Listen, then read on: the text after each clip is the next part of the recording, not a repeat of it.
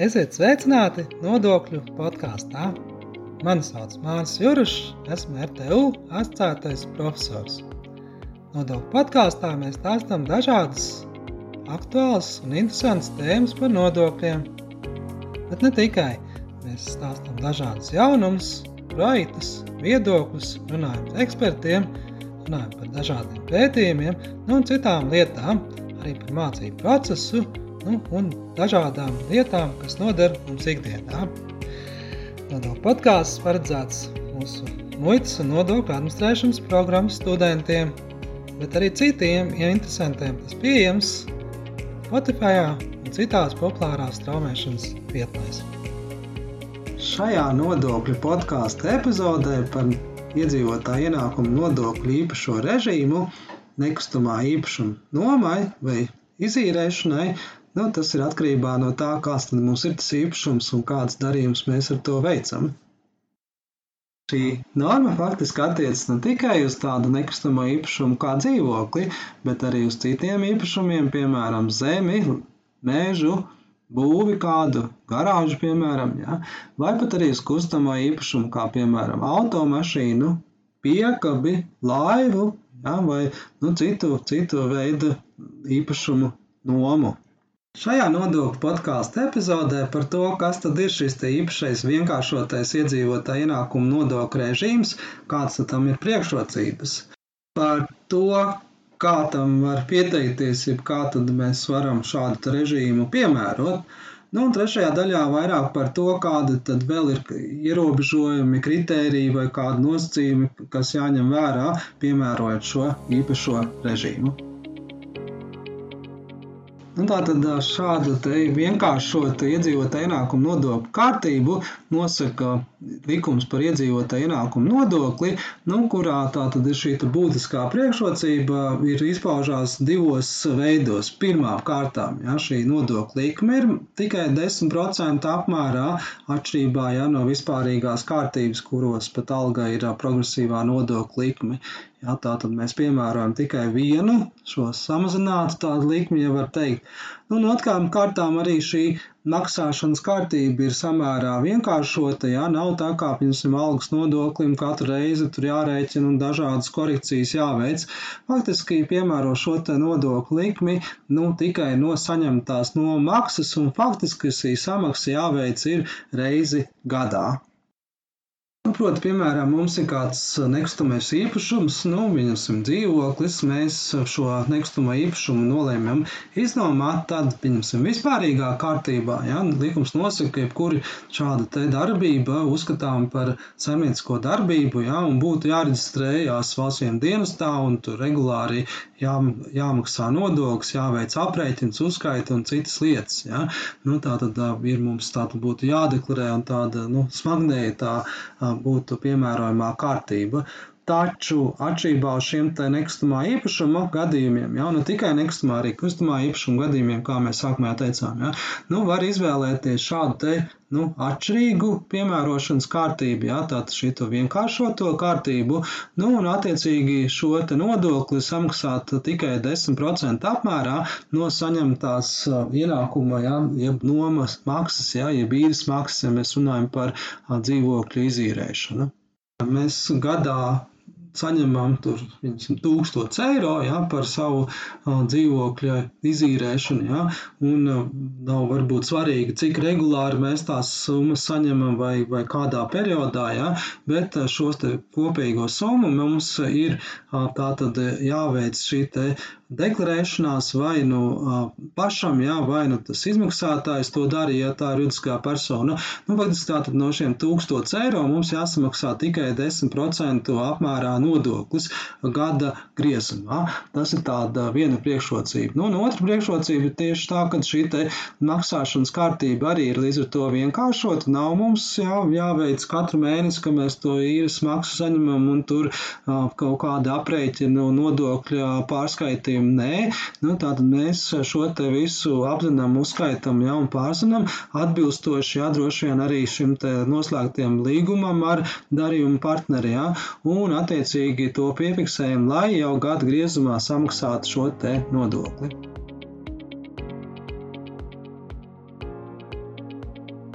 daļā varbūt panāksim, kā, kā tad var nu, izmantot šo režīmu. Ja? Tas nenotiek tā automātiski, ja?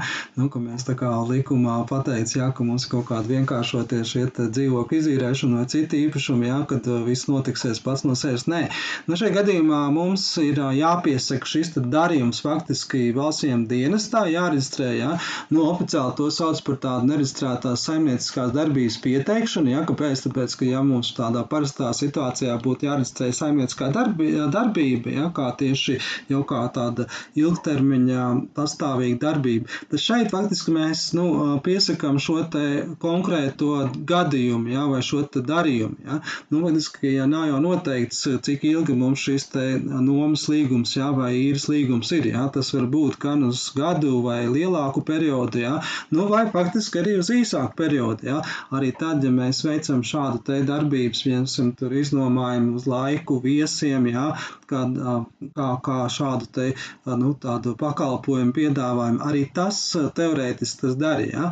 Nu, tikai jāņem vērā, ja, ka mums ir šis te, tātad jānoslēdz līgums ja, ar šo nu, pakalpojumu ja, saņēmēju, ja, tātad mūsu klientu, un šis te līgums faktiski jāiesniedz valstsiem dienestā, nu, caur elektronisko deklarēšanas sistēmu, ja, un tad arī jāpiesaka, ja, ka šis būs tas īpašais iedzīvotāju ienākumu nodokļu režīms. Ja, vienkāršotā kārtība, kā mēs maksāsim nodokli par šiem te ienākumiem. Tas kārtības, kā mēs to visu reģistrējam, jā, un arī piesakām, jā, jāatzīmē arī šī nodokļu samaksa kas faktiski var būt arī atšķirīgi. Ja? Tātad, ja mēs izīrējam šo nekustamā īpašumu vai iznomājam citai fiziskai personai, kas nav tātad pati reģistrējusi saimniecisko darbību vai nu, tātad nevis juridiskai personai, ja, bet tieši fiziskai personai, tad mums pašiem ir šīs saistības arī samaksāt nodokli. Tātad tad mums, kā nodokļu maksātājiem, ir jāveic šīs darbības, ja gada griezumā ir jāprēķina un jāsamaksā šis nodoklis, ja, atbilstoši likumā noteiktiem termiņiem, ja, iesniedzot ienākuma deklarāciju, ja nākamajā gadā no 1. marta līdz 1. jūnijam, ja, nu, ja tie ienākumi nepārsniedz ļoti lielas summas. Ja? Nu, un tad faktiski pēc tam arī līdz um, nu, jūnijam, 16. jūnijam jāsamaksā iedzīvotāja ienākuma nodoklis. Ja? Nu, var, arī, um, var arī tur vairākās reizēs samaksāt. Tas tad, ja mēs kā, paši esam fiziskā persona, ja, kas šo vienkāršoto režīmu um, izmantojam, ja, un mums pretī nav, nav teiksim, juridisku personu. Ja tomēr pretī ir juridiska persona, tad ja mēs varbūt arī dzīvokli izzīmējam kādam uzņēmumam, ja, vai teiksim, arī kādu nu, citu nekustamā īpašumu, piemēram, zemi, ja, kādam juridiskajam uzņēmumam vai, nu, pieņemsim, zemnieku saimniecībai vai citam, ja, kas jau ir pats nu, nodokļu maksātājs.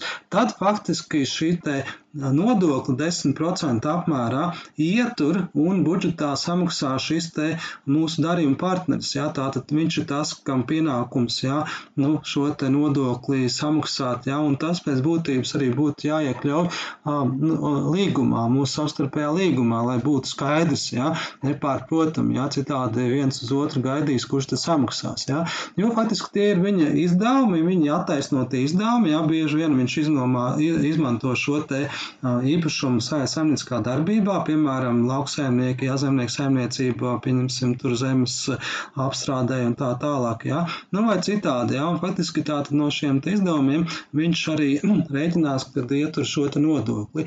Nu, līdz ar to arī jāsaprot, ka tā summa, jā, ko mēs ietveram šajā te darījuma apmērā, jā, ir, ir jābūt precīzai, jums jāsaprot, kurš tad maksā maksās to nodokli. Ja?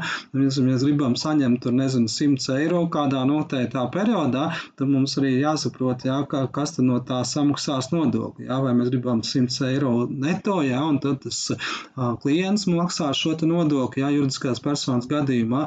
Nu, ja tā ir fiziskā persona pretī mums, jā, tad mums jāsaprot, ka mums no tiem 100 eiro mēnesī, piemēram, būs gada griezumā vēl jāsamaksā arī pašiem iedzīvotāju ienākuma nodoklis. Nu, tas tātad ir šīs divējādas tādas maksāšanas kārtības atkarībā no tā, kas mums ir darījuma partneris. Šis ir nodokļu podkāsts, kurā mēs stāstām dažādas interesantas un aktuālas lietas par nodokļiem. Taču tiem, kas grib padziļināti izprast nodokļu jautājumus, es iesaku iegādāties manu otro grāmatu nodokļu plānošana Latvijā un starptautiskā vidē.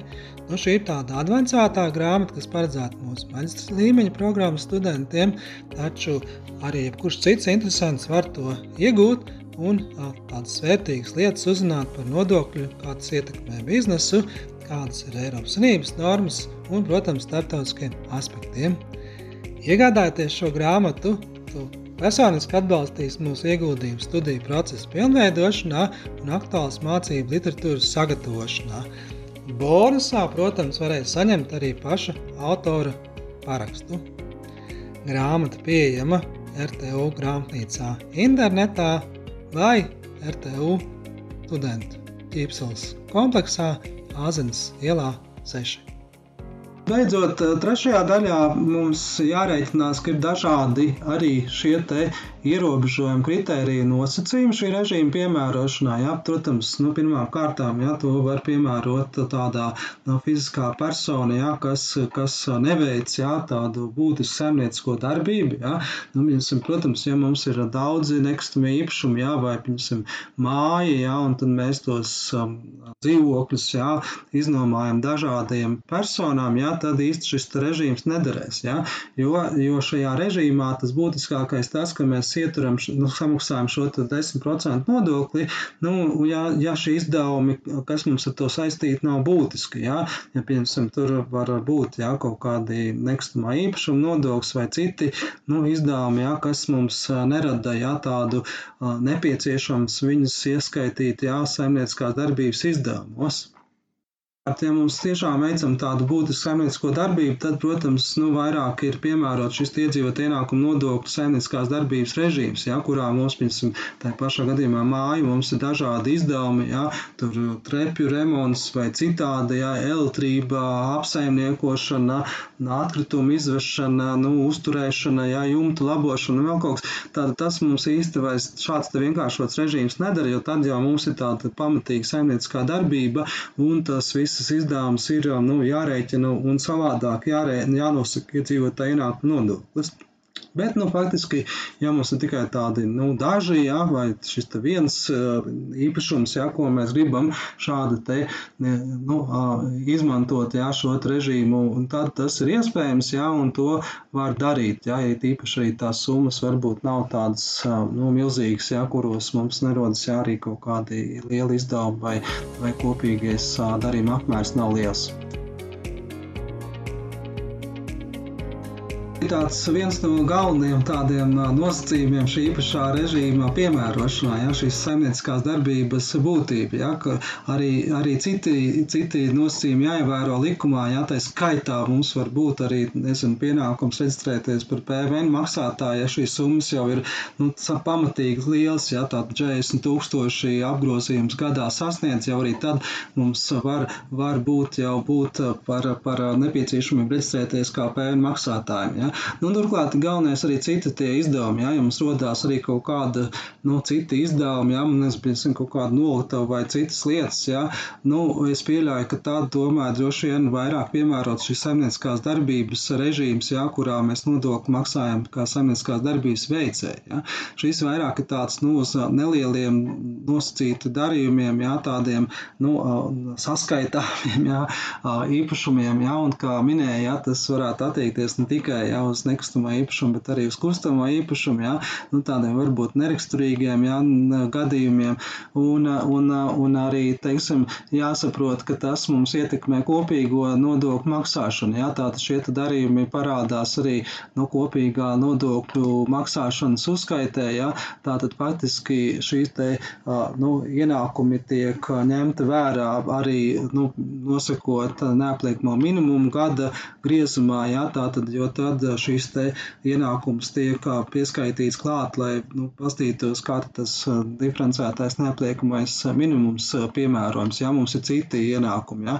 nu, viens ir arī citi ierobežojumi, ja, protams, kā es minēju, ja mums ir kaut kādi citi nekustamie īpašumi vai, vai nu, kuros mums ir jau šīs saimnieciskās darbības režīms, ja, mēs citus šajā te īpašajā saimnieciskās darbības režīmā pa citiem īpašumiem, ja, gūtiem ienākumiem ienākumiem maksājam nodokli, tad arī šajā, šajā gadījumā, ja mēs nevaram izdalīt, ja kaut kādu, piemēram, tur mums māja ar desmit dzīvokļiem, izdomā, ah, vienu dzīvokli mēs šādā, nē, nu tad mums tā kā šā vai tā viss tas jā, jāiekļaut tajā saimnieciskās darbības, nu, ietvarā, jā, un, un visi tie īpašumi arī jāpiemēro līdzvērtīgi, jā.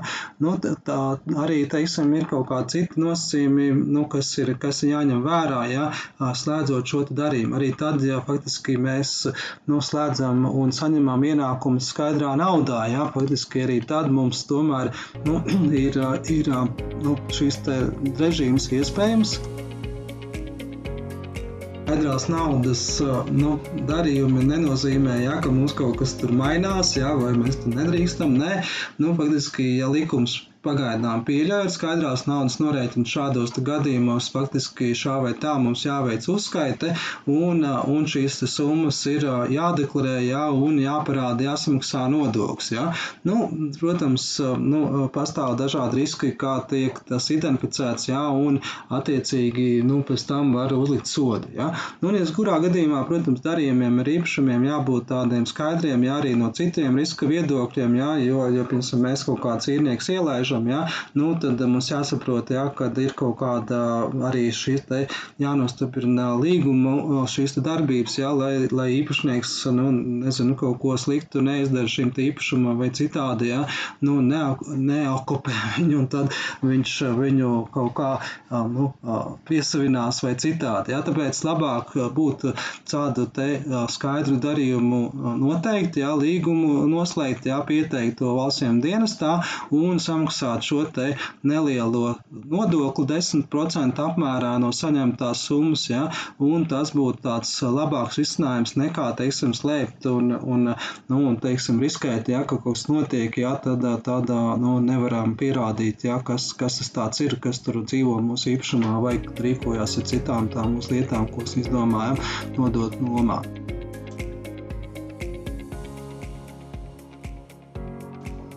Šajā nodokļu podkāstu epizodē mēs apskatījāmies arī vienu tādu nu, interesantu iedzīvotāju ienākumu nodokļa normu, faktiski ja, tādu vienkāršoto režīmu nekustamā īpašumā nomai. Ja. Tātad iedzīvotāju ienākumu nodoklis piemērojams dažādiem ienākumu veidiem, arī tad, ja mēs nu, gūstam ienākums no šī te īpašuma nomas, ja, jeb ienākums no mūsu kapitāla. Ja.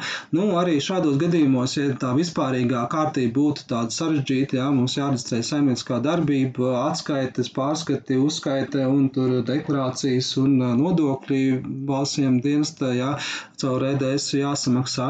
Nu, tad šajā gadījumā šis vienkāršotais režīms dod mums būtiskas priekšrocības. Pirmām kārtām, jā, šī nodokļa likme ir krietni mazāk, jā, tad mēs maksājam tikai 10%, bet mēs maksājam to no saņemtās summas, jā, jo faktiski varbūt mums nav tāda būtiska izdevuma, kas saistīta ar šo īpašumu īpašumu, ja, apsaimniekošanu vai citādi. Ja, tad mēs faktiski tikai nu, saņemam šo te nu, nomas maksu vai īres maksu un viss, ja, un pats, viens, pats īpašuma lietotājs varbūt tās nomnieks ja, vai īrnieks, tad pārējās izdevumus pats tiek galā. Ja, tur, nezinu, komunālos maksājumus un tā tālāk. Ja. Tātad 10% ja, vienkāršota samaksa, jo mēs to reģistrējam valstsiem dienestā kā tādu darījumu, ja, un faktiski maksājam nodokli reizi gadā par iepriekšējo gadā gūtajiem ienākumiem šajā te veidā. Ja. Nu, un faktiski ir tā, ja mēs izīrējam, iznomājam šo īpašumu citai fiziskai personai, tad mēs paši esam nodokļu maksātāji, ja, jo tad mums pašiem to jātiek galā. Bet, ja mēs, nu, mums darījuma partneris juridiska persona vai cits nodokļu maksātājs, ja, piemēram, zemnieks saimniecība vai saimnieciskās darbības veicējs, no nu, tad faktiski šo nodokli viņš uh, ietur, jā, tā tad no mums izmaksātās summas, jo viņam pienākums samaksās to budžetā. Nu, un tad tas jau tāds pavisam vienkārši režīms, faktiski mums tad vairs nav pat jādeklarē, ja mums nav citi ienākumi vai citi deklarējumi ienākumi, jā, vai, nu, jo šī informācija tad ir jau tāpat būtu zināma valstsiem dienestam. Jā.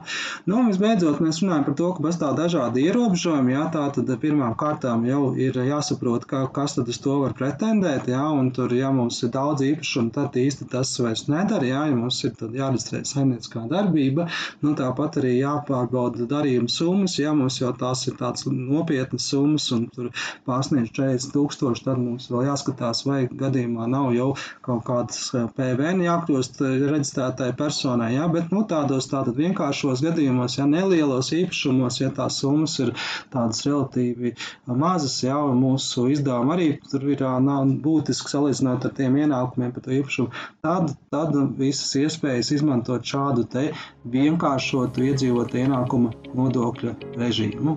Paldies, ka klausījāties mūsu nodokļu podkāstu.